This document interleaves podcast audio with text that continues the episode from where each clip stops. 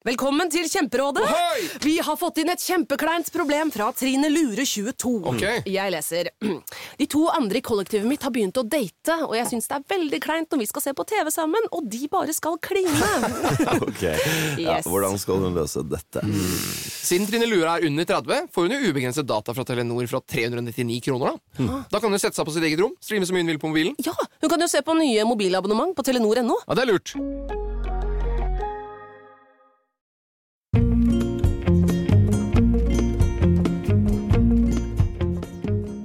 Audun Garthe ble dømt til syv års fengsel i norgeshistoriens største mafiarettssak. Gjennom ti episoder etterforsket vi saken til Audun i serien Skyldig til det motsatte er bevist. I siste episode inviterte Audun oss til Arendal for å besøke den nye arbeidsplassen sin. Vi har takket ja.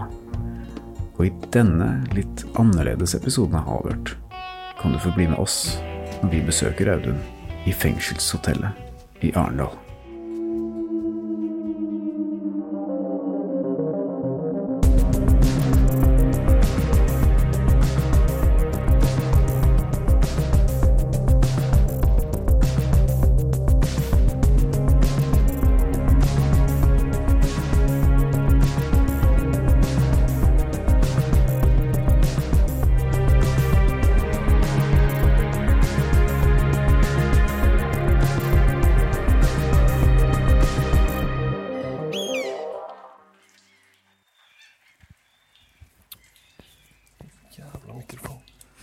De har nettopp fullført eh, denne Arendalsuka her, da. Så det har vært Det var siste dag i går. Så det har Det er Easy Park her. det er bare en liten uh, digresjon, for det er jo Easy Park her. Men jeg bare så en sånn uh, Så det bildet av han fyren som hadde lagt Han hadde lagt 100 parkeringslapper på dashbordet. Og så sto det en sånn skilt 'Lykke til, din jævel, med å finne riktig lapp'. En som var lei av å få parkeringsbøter. har, har du betalt, eller? Nei, vi står utenfor hotellet. De tror at vi bor på hotellet. La de bare tro det. Ja, ok. For det, her, det er ikke det hotellet her vi skal bo på i natt. For vi eh, i Arendal for å besøke Audun Garthe på hans arbeidssted, hans tidligere hjem, Fengselshotellet. fengselshotellet i Arendal. Men det er ganske stille her, da. Veldig rolig. Det er sikkert litt sånn eh, Folk er på jobb. Sommeren er, jo, Nei, eh, sommeren er over. Arendals- Arendalsuka stoppa jo slutta i går. Er lørdag. ja. Ja. Så det har jo vært full fest her nå en uke, da. Ja. Så nå tenker jeg lokalbefolkningen puster lettet ut Vi skal ta byen tilbake. ved å ikke være der.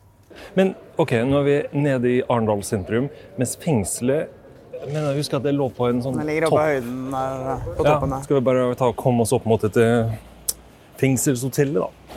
Men han sier altså at han har perm fra tolv. Hva betyr det? Altså, da kan han møte oss fritt fra tolv? Ja, det er jo et eller annet med den der eh, fotlenka, da, så han kan ikke gå hjemmefra Nei, ikke før klokka 12.00. For da starter liksom permen. Så han kunne møte oss kvart over tolv. Hvordan er det med jobb for han da? Altså, kan han, eh, Ja, det, det går jo fint. det, er, det er fritt, når Ja. han har jobb. Men han er kanskje ikke på jobb i dag. Selv om han skal møte oss på arbeidsplassen. skal han sikkert sitte hjemme, tror du ikke det? Helt sikkert. Jeg er usikker på hvordan det fungerer. Er det tasta inn i den der eh, fotlenka at eh, han er faktisk på jobbstedet sitt? Han kan jo si sånn OK, nå skal jeg på jobb, og så dra Nei, det er ned ikke til sånn, for det Nederland fortalte han jo. og ja. Det står en sånn sender hjemme.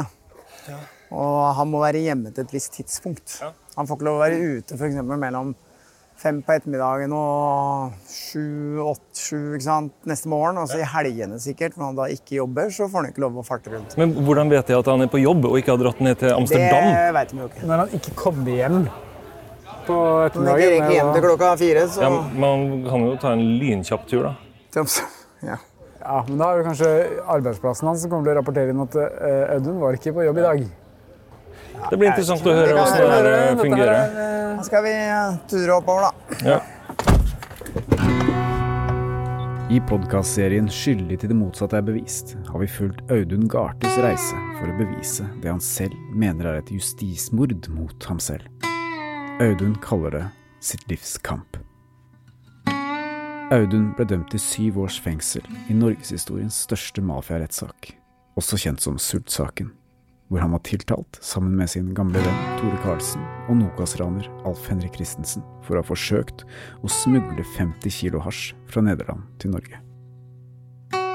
Hvis du ikke har hørt 'Skyldig til motsatt er bevist', så anbefaler jeg å gjøre det før du hører resten av denne episoden. Her kommer Audun Garthe. Hallo. Står til. Halla! Fint. Velkommen til fengselshotellet. Tusen takk. Takk, takk. Så det var fint jeg kunne komme ned, da. Audun har sonet store deler av straffen sin, og skal nå sone ferdig hjemme hos seg selv med fotlenke. Som en del av fotlenkesoningen er man nødt til å ha jobb. Og Audun har benyttet anledningen til å ta i bruk utdanningen i entreprenørskap som han tok i fengsel, og har vært med på å starte opp en helt ny hotellsatsing i Arendal. Og det har brakt ham tilbake der soningen startet, i gamle Arendal fengsel. Ja, går det bra? Ja, for så vidt. Hvordan fungerer denne fotlenkeløsninga di? Vet du hva? Nei. Eh, det fungerer at, sånn at jeg har en slags basestasjon som står hjemme. Og så må jeg forholde meg til de tidene hele tida og sånne ting. Skal jeg liksom ut klokka åtte, så kan ikke jeg dra ut ett minutt over åtte. Så det hele tida jeg må forholde meg til tider. Jeg var hjemme klokka seks. Er hjemme ett over seks, så har du problemer. Så, men det er sunt det er faktisk å lære seg til tider. Det er kjedelig hvis det er litt rushtrafikk og sånn, da. Ja, da, men vet du hva, du ringer de, så det er veldig fleksi. Men er det et mønster at du hele tida kødder det til, at du hele tida kommer for seint, så er du ikke egnet til å ha fotlenke, på en måte. Men hvis da- du får lov å være ute fra åtte til seks, f.eks. Ja. Det er ingen som har noe kontroll på hvor du er enn da. Nei, til viss grad. ikke sant? Her har vi da arbeidsstedet mitt, ikke sant? fengselshotellet. Men jeg skal være innafor ti minutter at jeg må komme tilbake igjen. Ok. Så eh, I starten så var det sånn De sa Audun, du ringer altfor mye. Når jeg skulle til søpla, når jeg skulle dit og sånn, så sa jeg nei, men det er derfor jeg er engstelig. For nå har jeg fått liksom ei fotlenke, så får du to tredjedeler. Så jeg er redd for å komme i fengsel. ikke sant? Ja, det skjønner jeg. Så, men det er jo et minifengsel som med fotlenka. da. For at fengselet ditt er jo hjemmet ditt. Men bare det at du slipper å forholde deg til andre kriminelle, være med de på en måte, få liksom Poenget er at du skal komme deg vekk fra miljøet. Et miljø er jo også i et fengsel. Ikke sant? Men eh, hvordan er helgene og sånn? da? Må du sitte inne hele helgen, eller får du få gå ut da? Ja, jeg har syv timer i uka der jeg er permisjon. Så de syv timene bruker jeg jo nå. ikke sant? For nå måtte jeg stenge av fengselshotellet. For det at, eh, nå har vi hatt hele uka med 35-38 gjester. Og jeg har jobba 19 timer i døgnet. så de bare kom sånn Hæ, var ikke du her på nattvakt? Jo. Liksom til frokost, da. Så var jeg jo, men vet du hva, sånn er det. Og en eh, som fikk eh, tuberkulose. Trodde den var utrydda for mange år siden, men Det er sånn du ser i litt andre typer land. Ja, han var faktisk fra Litauen, da. Så Du har en sånn eh, basegreier hjemme, men har du Ja. det her òg, på jobb? Nei, ikke på jobb. Så de vet ikke nøyaktig hvor du Nei, nei, nei. er hen Det når er, du det er veldig sånn tillitsbasert. Sånn som nå, så, så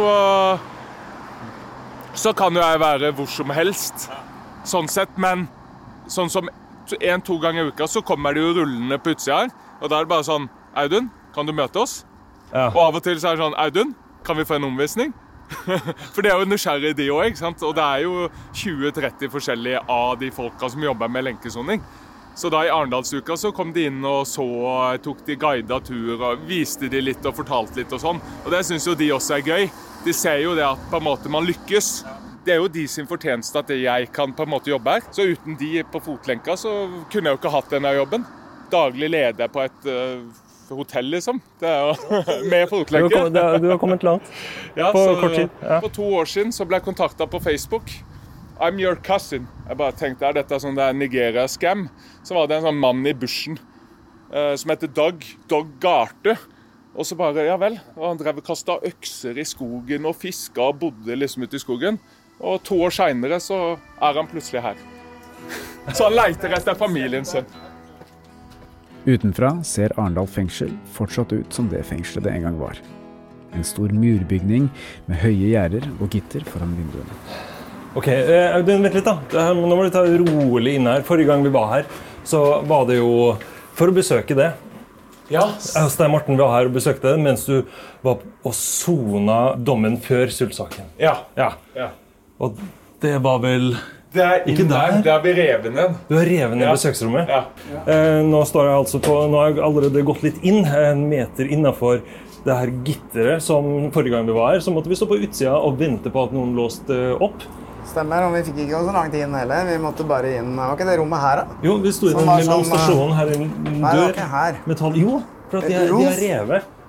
For det var jo så lite, det rommet, husker du? Som Ja. vi liksom fikk lov å sitte og snakke i. Vi fikk ikke komme inn i fengselet. Men jeg altså, mener jeg husker at de var veldig OK da vi kom på besøk her. Det var ikke noe sånn her eh, eh, strip down. Hele området er kameraovervåket.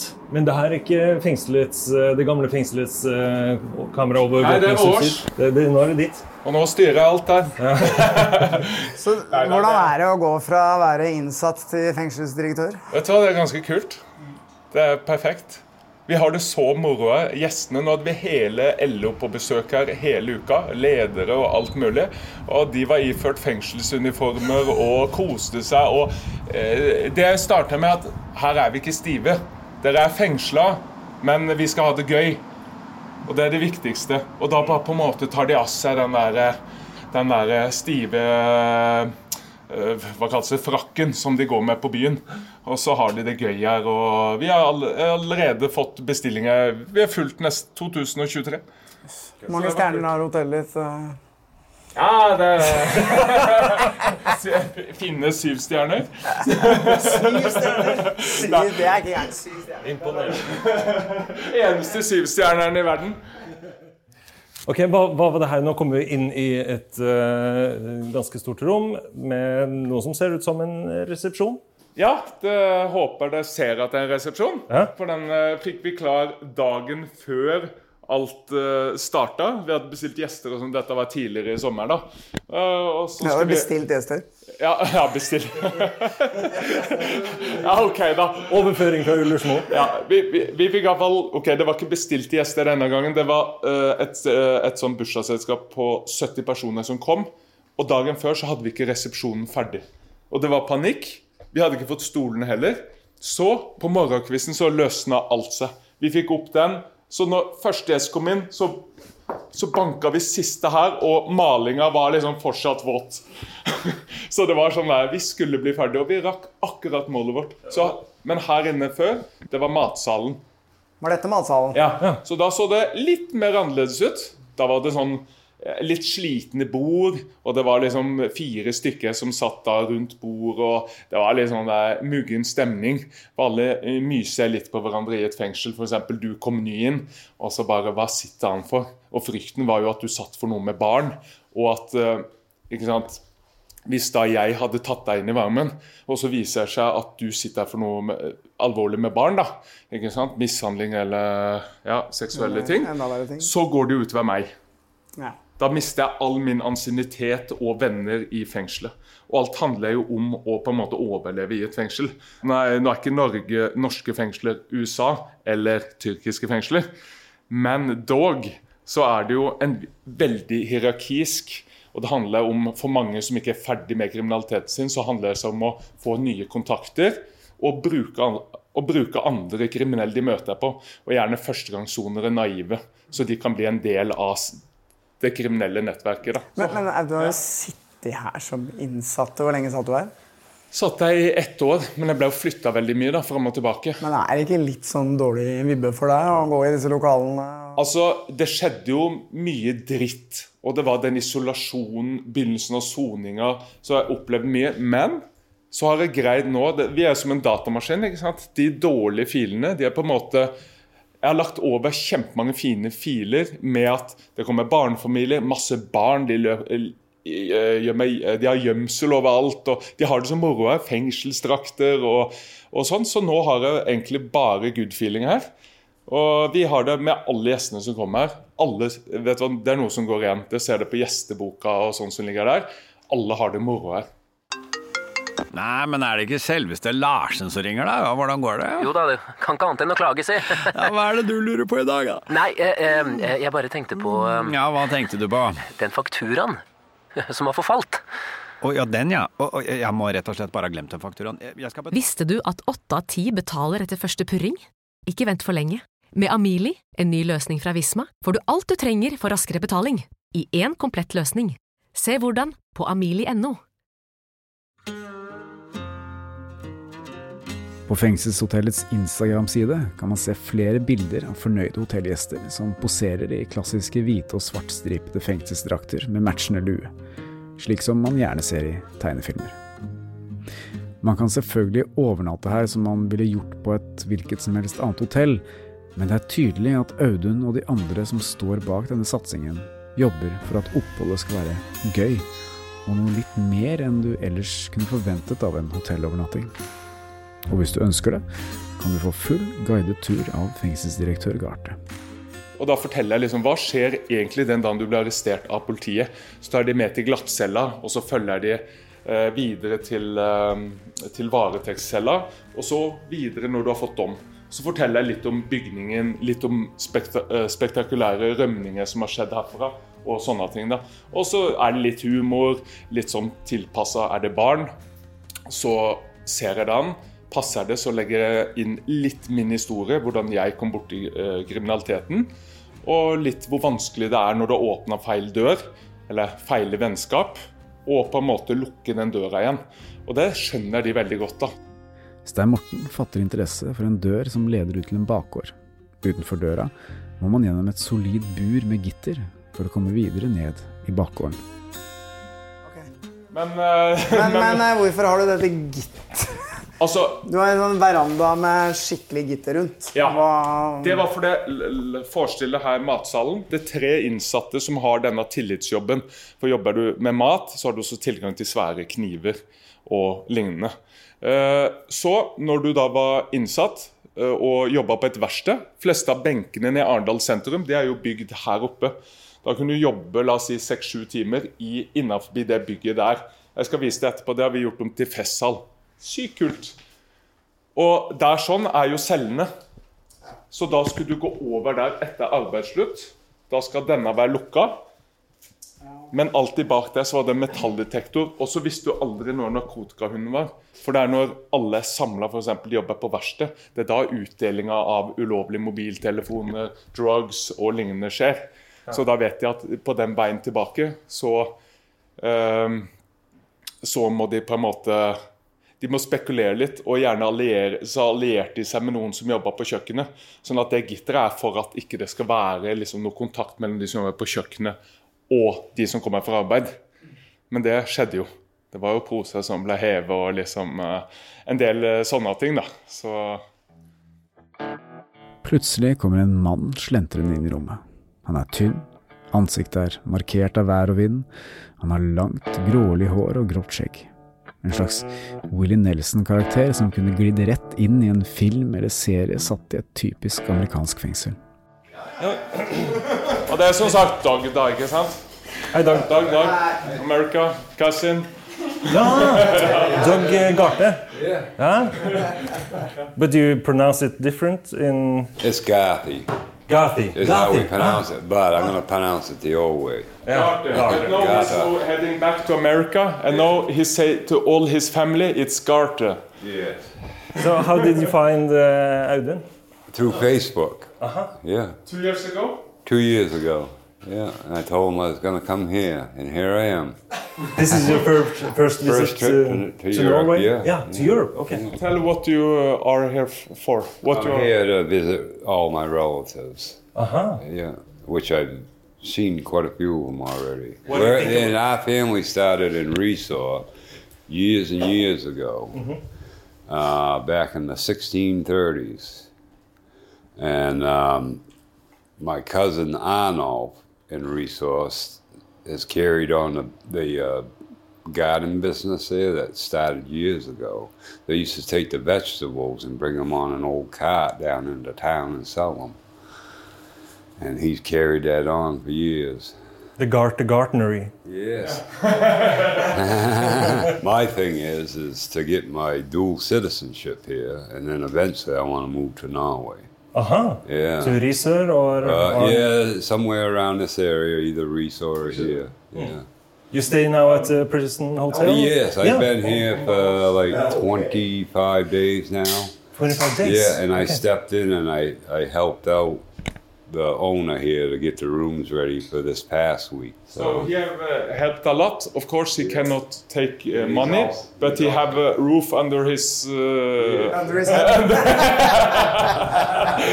roof under Placed his him on the roof. Yeah.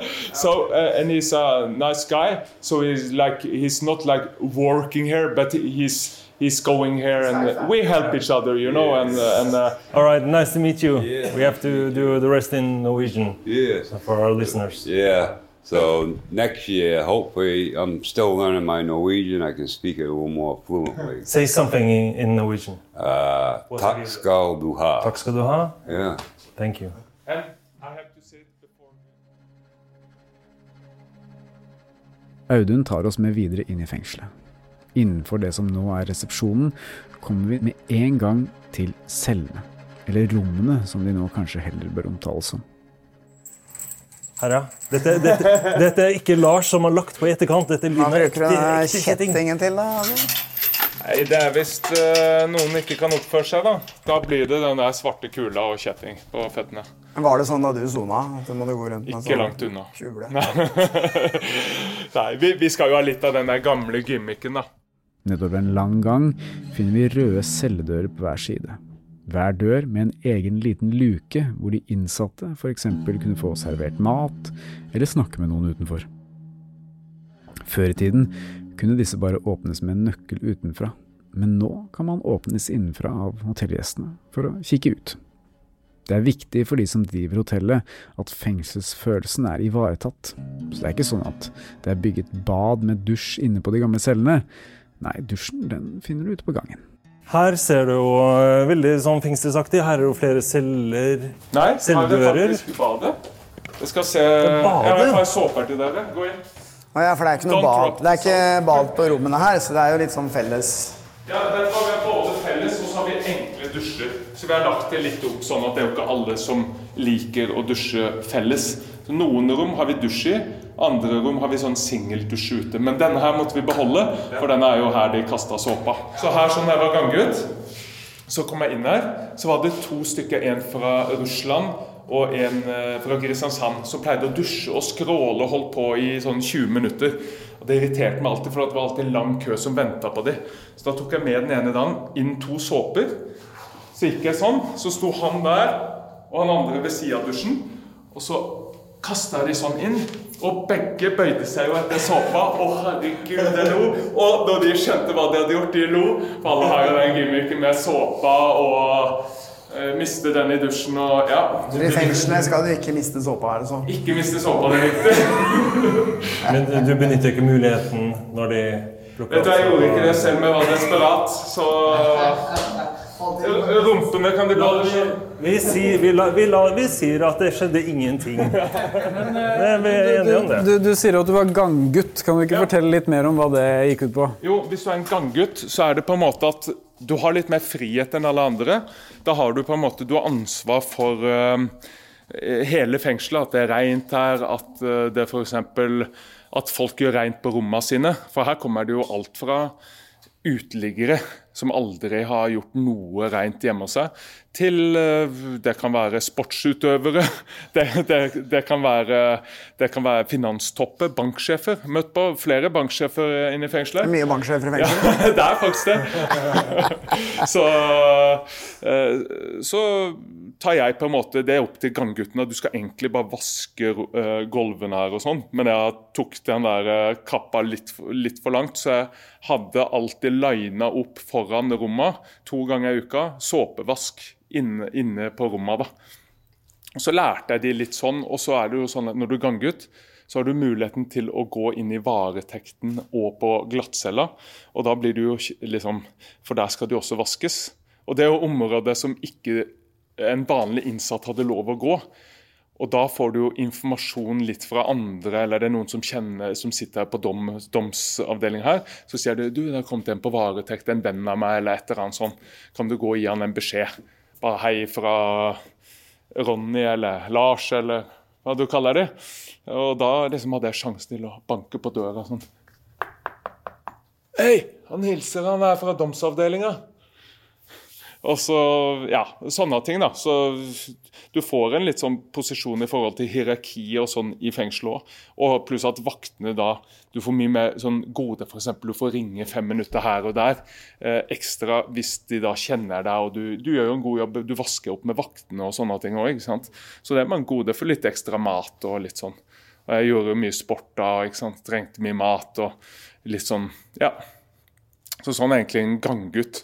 Og ofte blir en ganggutt også brukt til å smugle ting. F.eks. mobiltelefoner fra varetekten til domsavdelinga. Og eh, Tilstår det nå, Prøv å si det her det, nå. det, det sier at ganggutten han gjorde mye forskjellig rart. Ganggutt Garte? Ganggutt Garte. Det hendte at jeg tok en mobiltelefon uh, og ga til noen som trengte ringe familien sin eller barn. Det, det gjorde jeg, men jeg gjorde det aldri i noe kriminelt syfte. Altså Hvis det er noen som skal operere som business inne i fengselet, det gjorde jeg ikke. For det har jeg aldri gjort, holdt på med business inne i fengselet. Det er veldig mange andre som gjør det. Altså Valutaen er jo da eh, sigaretter. Så du kjøper, da får du da ett gram hasj. Så skal du betale i kanskje tre sigarettpakker. ikke sant? Så bytt ut krona med sigaretter, så har du valutaen i fengselet. Du veit at er den litt- tilståelsen her nå, så er det seks måneder til med ikke sant? De skal heller ta. Så er det f.eks. La oss si celle 13. Skal vi se om den er åpen. Audun tar oss med inn på celle 13, hvor han tilbrakte den første tiden av soningen sin.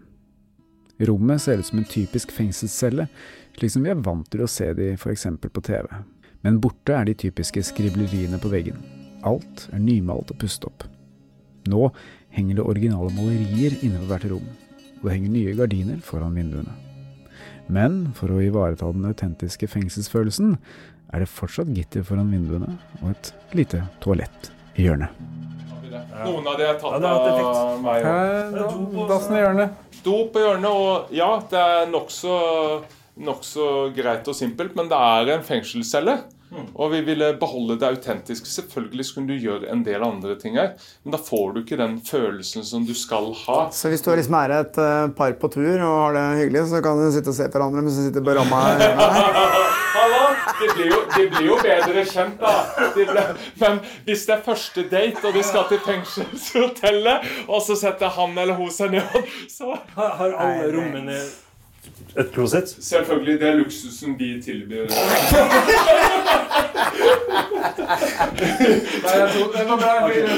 Det er et eh, sjustjerners hotell Ja. som tilbyr Men, men toalett. eh, fra spøk til alvor, da, så har vi jo felles eh, toaletter ute i gangen. Så du trenger ikke Så å bruke trenger ikke å bruke den.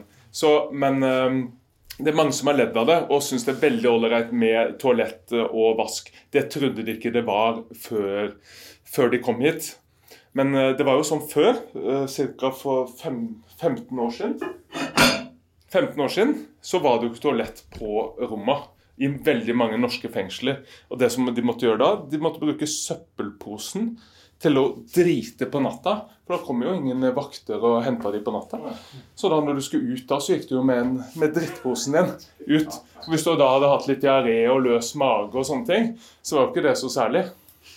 Mange satt jo da Vask hadde de. Mange satt jo i vasken og dreit. ikke sant? Skjønner?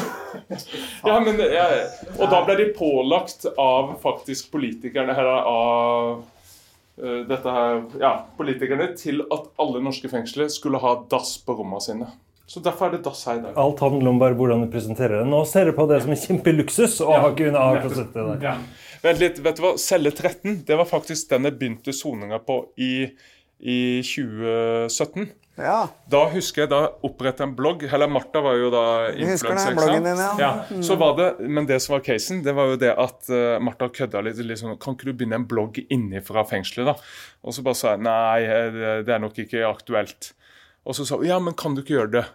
Det er mange som er nysgjerrig på hva skjer. Får du da rehabilitering? Alt det greiene der. Og så sa jeg OK, for gøy, da. Hvis jeg får celle 13, skal jeg gjøre det. Og så fikk jeg celle 13. Og fra det øyeblikket jeg gikk inn i den cella For jeg fikk jo frysninger når de sa du skal på celle 13. Så tenkte jeg OK, hva er sjansen for at jeg får celle 13? liksom? Er det noen som kødder med meg? ikke sant? Og da tenkte jeg jo på den bloggen jeg hadde lovt Martha. Og da gikk jeg inn her. første jeg gjorde, bare sånn dirra litt i, i, i, beina, faktisk. Og så begynte jeg å skrive blogg, Celle 13. Og det skal jeg nå utgi som en bok. For jeg har skrevet over 600 sider. Andre sin historie, hva er det som skjer egentlig inne i fengselet. Og den bloggen var det jo mange tusen. Jeg hadde jo 12 000 følgere til sammen som fulgte den bloggen daglig. For jeg sendte jo ut, jeg skrev, så sendte jeg ut til Martha og mine foreldre. Og så tok de den om til blogg 13, eller nei, celle 13, og så la de det ut på nettet, på en måte. Denne bloggen som Audun skrev mens han satt på celle 13, hørte vi også om da vi etterforsket Audun sin sak i Skyldig til det motsatte er bevist. Politikvinnen, som senere viste seg å være en litt annen person enn hun utga seg for å være, fortalte oss hvordan hennes påståtte kollegaer innad i politiet gjorde alt de kunne for å fjerne denne bloggen fordi de ikke likte at Audun fortalte om livet innenfor murene. Og det skal ha gått så langt at bloggen til slutt ble fjernet. Om det stemmer det denne personen fortalte oss, det vet vi ikke. Men bloggen ble på et tidspunkt tatt ned fra nettet, uten noen åpenbar årsak. Da fortalte jeg liksom eh, fra en innsatsperspektiv, da. Hva skjer?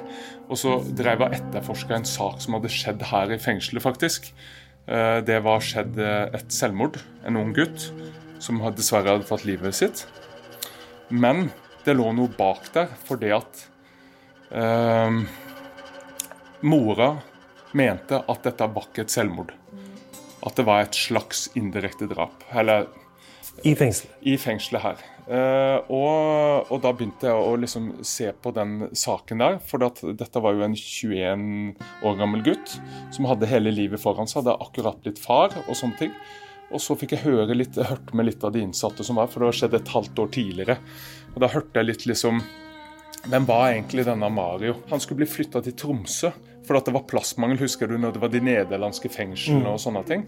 Eh, og da hørte jeg at andre sa at han hadde tenkt å fake dette. Så tenkte jeg fake, hva var dette for noe?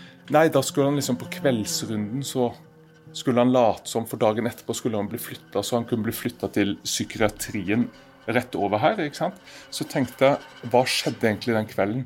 Så fant vi ut at det var jo den kvelden Lotepus vant eh, Farmen. Og det var den kvelden det var en finale i en håndballkamp, en landskamp som Norge spilte. Og akkurat den kvelden så forsømte vaktene seg her. For den runden gikk hver kveld klokka halv ni. Og han var jo da klar halv ni. Da gikk de runden. Og etter det, når den var ferdig kvart på ni, så var alt låst der. Så han hadde valgt i minuttene før den håndballkampen, da, finalen, og da gjør det han gjorde. Eh, men det var jo et rop om hjelp, fordi at vaktene utsatte den runden der en, halv, eh, en halvtime. For det har de egentlig ikke lov til. For akkurat pga. det at det kan skje, det er veldig mange rop om hjelp inni et sånt fengsel. Så det var faktisk eh, det var faktisk det. For at skulle han ta selvmord, så hadde han jo venta til etter klokka kvart på ni. Absolutt, Han forventa at nå kommer de jo å finne meg uansett, og da må noen ta affæren min istedenfor. Så sitter de og ser på Lotepus og Farmen. Nettopp. Ja. Så dette begynte jeg min egen etterforskning på inne i fengselet. Og da ble jeg sendt på varetektsavdelinga, var det en måned på isolat, for de ville ikke ha meg her. Og så ble jeg sendt bort til Åna fengsel, fem timer herfra. Så det var liksom en historie bak. da. Så eh, faktisk Sist uke så møtte, kom familien til han her i fengselet. De hadde ikke vært der på fem og et halvt år siden det skjedde. Og da, eller seks og et halvt år var det. Og da hadde vi, da var, kom dattera, som var da blitt syv, syv år, tror jeg. Hun kom, og så hadde vi bare det veldig fint. De var veldig nervøse, og sånne ting, da, for de hadde jo sett at vi hadde åpne her og sånne ting, og så at vi var ganske inkluderende her. og sånne ting. Da. Så da viste vi, og da gikk vi gjennom det, og det var veldig sterkt. De, de, var veldig prega, men etter det møtet så skjønte de også at hva som var skjedd. At dette her var faktisk bare et rop om hjelp og ikke et selvmord. Og de to tinga, det er to vidt forskjellige ting. For det vil si at du prøver ikke Han skulle bli flytta dagen etterpå sant, til Tromsø. Og så Da hadde han jo selvfølgelig etter klokka halv ni. Så det var veldig sterkt for meg å se møtet. De tilbrakte mange timer med de i luftegården og rundt forbi her. da. Og, så de vil komme igjen og overnatte her og sånn. Og nå syns de det var, var veldig OK, og det er det mest brukte rommet. Altså det har tatt gleden tilbake. Mange assosierer jo selvmord med veldig eh, Altså, det er jo veldig trist. Men så gjelder det også å hedre på en måte alle de som også har fått en sånn skjebne. Og så tror jeg det var veldig godt for de å skjønne ordentlig også eh, fra meg hva som var skjedd. Og da fortalte jeg liksom alt det med blogga, og alt bare ga en mening. på en måte Hvorfor jeg var kommet her på celle 13 og oppretta den bloggen. Og ja, alt det at jeg etterforska dette her eh, greiene som har skjedd og sånne ting. Så alt ga en mening, og sånn pleier det å gjøre dessverre i livet mitt. Du tar en turn den veien, og så går du rundt der, og så møter du på de menneskene, og så har du plutselig en historie. da, ikke sant? Så, så det var et godt møte. Det var litt digresjon fra hvor, hva vi holder på med her, da. Men, uh, Interessant. Men for, å, Absolutt. si det. Vinduet på celle 13 har utsikt mot en parkeringsplass på baksiden av hotellet. Audun har fortalt tidligere at her pleide hans kjæreste Martha å stå og vinke til ham mens han satt inne. Så her sto Martha, forresten. Hvis Ja, for at, eh, hvis vi ser ut av vinduet her, så har du utsikt til eh, luftegården. Ja. Og så er det masse bebyggelse på andre sida av muren der. Så, eh, Så naboene kunne jo bare se rett ned her. Så det var ikke noe glem personvernloven og alt som fantes. Her var det sånn at var du, satt du her i fengsel, så fikk hele byen vite at du satt her i fengsel. Ja, For da kunne du bare stå der oppe og kikke inn Ja. vinduet her. Ja, ja, ja. Så alle sto her, og så ser det helt øverst der, der det er grått. Og ja, der sto litt til venstre. Altså, det, det, det er sånn hvitt stakittgjerde Ja, ja, nettopp. Og så er det litt grann, Så er det sånn platting. Ja. Og så er det litt bort der. Der gikk hun inn, for det var jo privat eiendom. Men akkurat der så er det en liten parkeringsplass. Så da sto hun der, så ropte hun 'Audun!' Og så sto jeg i det vinduet der, hadde tatt den ned. Og så ropte jeg tilbake, liksom. og så det var en, For det var jo bare eh, besøk én gang, i- en gang i uka. ikke sant? Og 20 minutter i uka. Og de går jo et knips. så var det, Og det var jo ofte sånn da du snakka i 19 minutter og 56 sekunder, så var det sånn 'Å, forresten, jeg må si deg noe viktig, Audun.' Og så pip, pip, pip, pip, og så må du vente til neste uke. Det er tortur. Da, da får du 20 sånn minutter i uka. 20 minutter i uka. Så det er jo en del av den der straffen, da. Den, den du kjenner mest på. For eksempel, la oss si at du hadde hatt unger, da, eller du hadde hatt dame, du hadde tett kontakt med dine foreldre. Så må du jo velge. Hvem er det jeg skal egentlig ha kontakt med? For det nytter ikke å ringe de fem minutter. Du får ikke noe. Har du en samboer, du mister det. 90 av alle forhold de avsluttes i fengsel. For det at du får ikke eh, De opplever ikke den kjærligheten eller de viktige samtalene som da etter hvert velger å ta med andre. Men du klarte å opprettholde det med at uh, Martha sto der oppe, og du sto her, og de ropte til hverandre. Ja, det, Men den skal du ha med Martha. Hun, øh, hun sto på, hun ga seg ikke. Og det er vet du hva, 98% av alle andre hadde gitt opp. Men Audun, nå har jo Martha virkelig bevist at hun uh, står ved din side i gode og onde dager. Har du Det tenkt å jeg. fri snart, eller? Vet du hva? Har du ikke fått det med deg? Hun fylte 30 år 17. juni. Så tenkte jeg alle som fyller 30 rundetall, de skal få en ordentlig bursdagsfeiring. Så da hadde jeg jo øh, begynt denne jobben her. Så da hadde jeg fått lov og fått hele fengselet for meg sjøl, uten gjester, ingenting, den helga hun fylte 30. Så da hadde jeg invitert alle venner og sånn som har vært fra hos sin tidsperiode, og familie, til å komme hit. Og så kunne de bo her gratis på cellene. Og så skulle vi bruke festlokalene og sånne ting. Og da hadde jeg invitert et band og alt mulig i luftegården her. Så når vi da eh, Hun visste jo ingenting. Hun skulle bare ta på seg en hvit kjole. Eller den var også kjøpt inn til henne av mora og sånne ting. Så hun, mora er flink til å sy, og hun vet akkurat hvordan, hva som passer henne. sånn. Så hun ble påført av bind for øynene og sånne ting. Så kom hun inn her, og alle sto her. Kom vi på baksida der, eh, så hadde vi en stor hestesko i luftegården med ca. 70 personer. Visste ikke at vi hadde så mange venner og familie engang. Tenkte har ikke vi bare 20, 15 eller 20 eller noe sånt. Men man har mer enn det man tror egentlig, som er nære. Så det var veldig god anledning. Så Martha ble dritoverraska og sånn. Og en måned før så hadde jeg kjøpt en forlovelsesring. Jeg gikk med den, og jeg er ikke sånn som jeg, jeg planlegger ikke sånn kjempemye. Jeg bare, jeg bare gjør en handling, og så venter jeg bare på at den rette situasjonen skal komme. Og da tenkte jeg liksom etter hvert, vet du hva, er det meninga at jeg da skal fri i luftegården her? Så tenkte jeg liksom på det. Nei, det er hos sin dag, og jeg har lovt meg sjøl den dagen jeg er ferdig med soninga, så skal jeg gjøre det. Ikke før. Men så spilte vi, det var god stemning her og sånn. Og så tenkte jeg Og så spilte det bandet jeg hadde leid inn, en sånn utrolig fin sang. Jeg husker ikke hvilken det var nå. Men da bare løp jeg ut i bilen som sto parkert på utsida der. Og der lå jo den forlovelsesringen som jeg hadde hele tida der. Så tok jeg den, og så løp jeg inn igjen, og så var jeg nervøs, for alle var jo her. Så tenkte jeg faen, faen, skal jeg gjøre det nå? Ok, ok, skal jeg gjøre det nå? Nå er det liksom sånn vet du hva? Og så bare begynte jeg å gå bortover mot scenen, og så bare, nå, bare gjør jeg det. Jeg var dritnervøs. Det er liksom sånn, Jeg har vært foran 200 mennesker før, og domstoler og alt mulig, men jeg har aldri vært så nervøs før i mitt liv. Og før jeg liksom gikk forbi, så var det en gjest som jeg sa bare til For ingen visste jo at jeg skulle få lov med. Så sa jeg til han gjesten 'film nå', film nå. Det var alltid så han bare 'hæ'? Film var film. Og så bare gikk jeg forbi, for jeg ville jo ha det fil, liksom noe, et minne. ikke sant? For Martha alltid bare 'Hva enn du gjør, få det alltid liksom filma, så jeg kan se på det i ettertid'. Så gikk jeg forbi, og så satte jeg meg ned liksom og fortalte historien med denne luftegården og Martha, hva vi hadde opplevd sist åtte åra.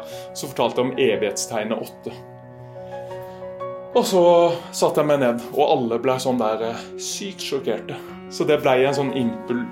Ja, en litt planlagt, men impulsiv handling. Så det var en sånn fin ting å gjøre akkurat i luftegården her. Men det som var, Martha sa Du vet når du satt på kne, du sa ikke noe.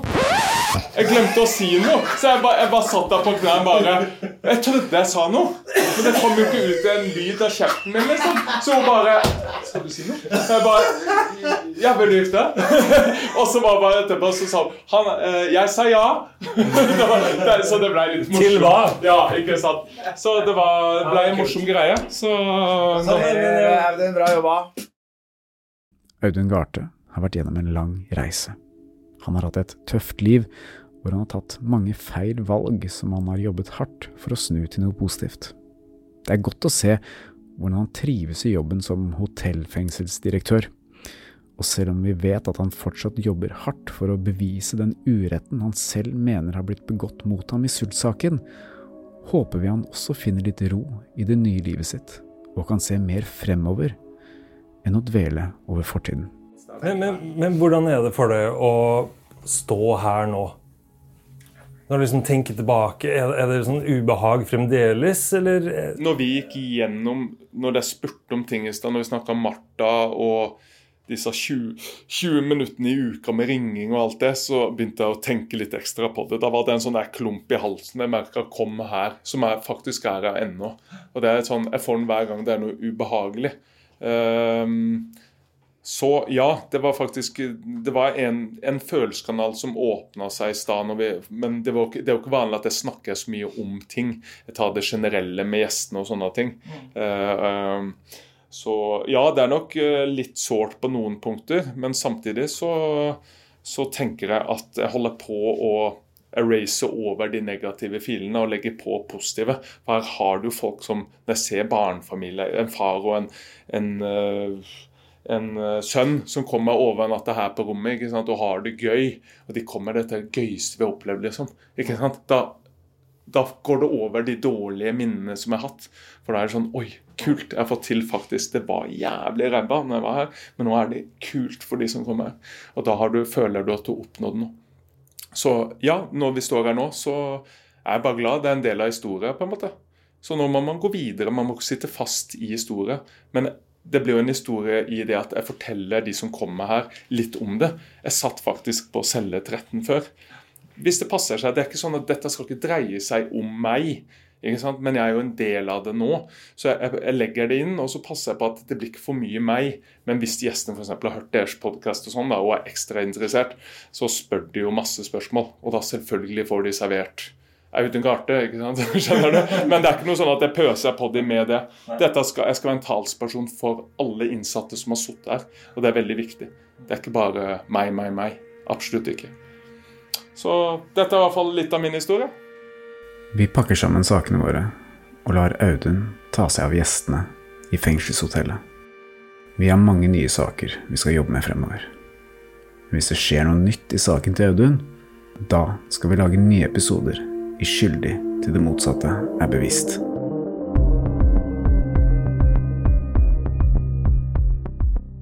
Avhørt er produsert av Batong Media. Redaksjonen vår består av Stein Morten Lier, Helge Molvær og Lars Christian Nygårdstrand. Og temamusikken vår er laget av Altered States. Hør eksklusive episoder av Avhørt på Podme. Gå inn på podme.no, eller last ned Podme-appen.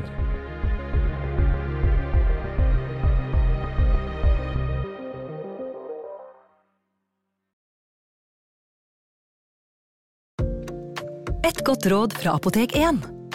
Nå er snart pollensesongen i gang, og et godt råd til deg som sliter med pollenallergi, er å begynne behandlingen i god tid før allergisesongen starter.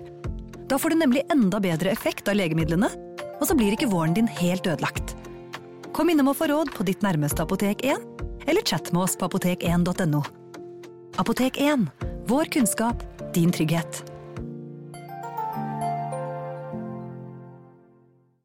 Nå lønner det seg å hamstre påskekosen hos Ark.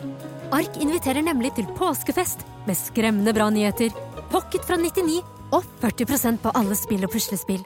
Ark-påske betyr rett og slett mye påske for pengene.